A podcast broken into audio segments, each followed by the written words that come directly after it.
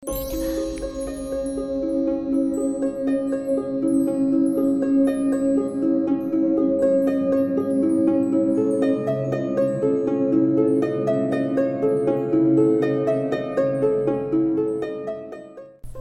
semuanya, semoga kalian ada dalam keadaan yang sehat dan tidak kurang suatu apa pun.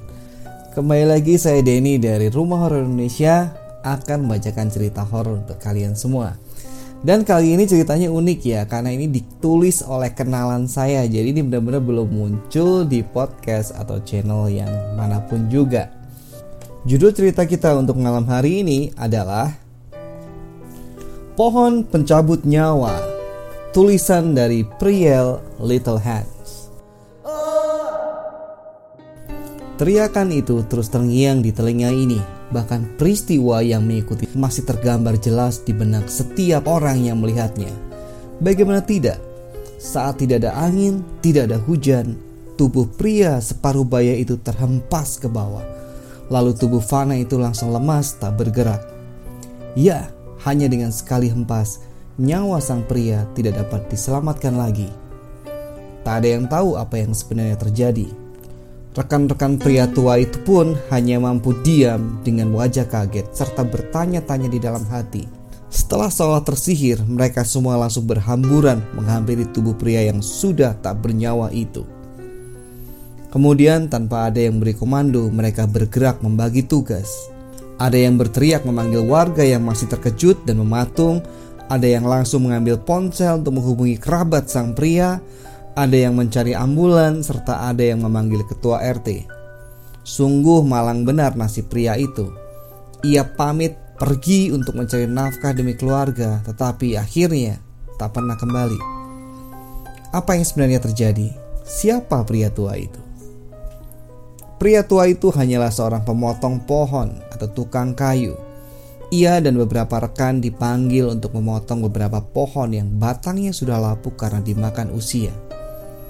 Warga takut jika angin kencang datang, pohon yang akarnya memang sudah tidak kuat lagi akan roboh dan menimpa rumah salah satu warga sekitar. Sebenarnya, berdasarkan cerita rekan-rekan pria tersebut, ini bukanlah kali pertama pria itu memotong pohon. Namun mungkin Tuhan berkendak lain. Waktu hidupnya di dunia telah usai, dan cara Tuhan memanggil setiap ciptaannya berbeda-beda. Sebenarnya, penampakan pohon ini sama dengan pohon-pohon lainnya yang sejenis. Hanya bedanya, pohon ini sudah tua sehingga batangnya lapuk dan akarnya tentu semakin tak kuat untuk menyangga berat batangnya. Hal itulah yang membuat warga berinisiatif memanggil tukang potong pohon. Namun ada satu hal yang mereka lupakan. Mereka lupa kalau pohon itu adalah pohon keramat. Ya, pohon itu tidak dapat sembarangan ditebang perlu ada ritual khusus untuk menebang pohon tersebut. Warga perlu memanggil orang pintar untuk mendoakan isi dari pohon keramat tersebut. Hal itu bertujuan supaya isi daripada pohon tersebut bisa pindah baik-baik ke tempat yang lain. Setelah meminta izin sambil menyuguhkan sajian berupa beberapa macam kembang dan beberapa rupa makanan, maka masih perlu ditentukan hari dan jam yang diizinkan oleh penghuni pohon untuk menebang pohon tersebut.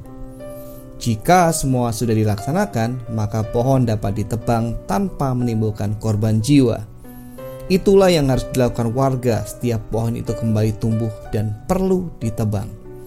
Kebiasaan tersebut sebenarnya sudah menjadi tradisi turun-temurun warga Kota Kembang agar tak menimbulkan korban jiwa. Sayangnya karena para sesepuh sudah banyak yang meninggal atau pindah ke tempat yang lain, maka ritual ini dilupakan dan menimbulkan korban jiwa. Dulu sekali warga tak mengetahui hal tersebut. Yang warga tahu adalah bahwa setiap kali pohon tua itu hendak ditebang selalu saja menimbulkan korban jiwa. Entah orang yang memanjat akan terjatuh tanpa sebab, atau orang yang di bawahnya tertimpa batang pohon yang rubuh secara mendadak, atau hal ganjil yang lain. Bahkan pernah tangan salah satu tukang putus akibat gergaji mesin yang secara tiba-tiba menyala dan menyambar tangan tukang tersebut. Satu lagi keanehan yang terjadi jika ritual tidak dilakukan adalah mata gergaji akan patah setiap kali mengenai batang pohon tersebut. Sekuat apa pun mata gergaji yang dipakai tidak akan mampu menumbangkan pohon keramat itu jika belum dilakukan ritual. Berulang kali hal tersebut terjadi sehingga orang tersadar akan keanehan pohon yang sekarang masih terus bertumbuh sekalipun sudah ditebang berkali-kali. Tentu saja pohon itu masih dapat kembali bertumbuh karena untuk menebangnya pun ada syarat berapa meter pohon tersebut boleh ditebang.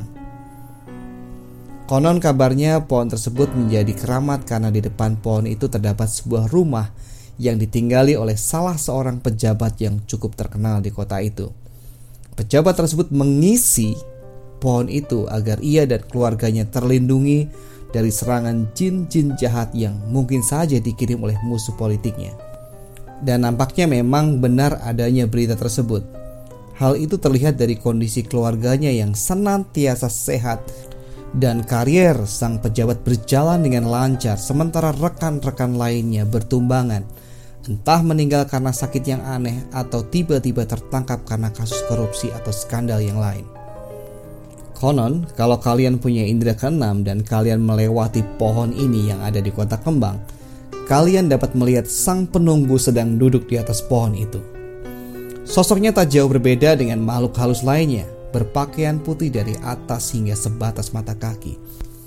Mata yang merah menyala dan wajah yang tidak bersahabat. Namun, ia tidak akan mengganggu selama tidak diganggu. Tapi mungkin lain ceritanya kalau kalian datang membawa gergaji dan mencoba menebang pohon keramat itu. Apakah nyawa kalian masih dapat selamat setelahnya? Oke teman-teman, itu adalah akhir dari cerita kita malam ini. Semoga itu dapat menghibur kalian semua. Sampai ketemu di cerita berikutnya.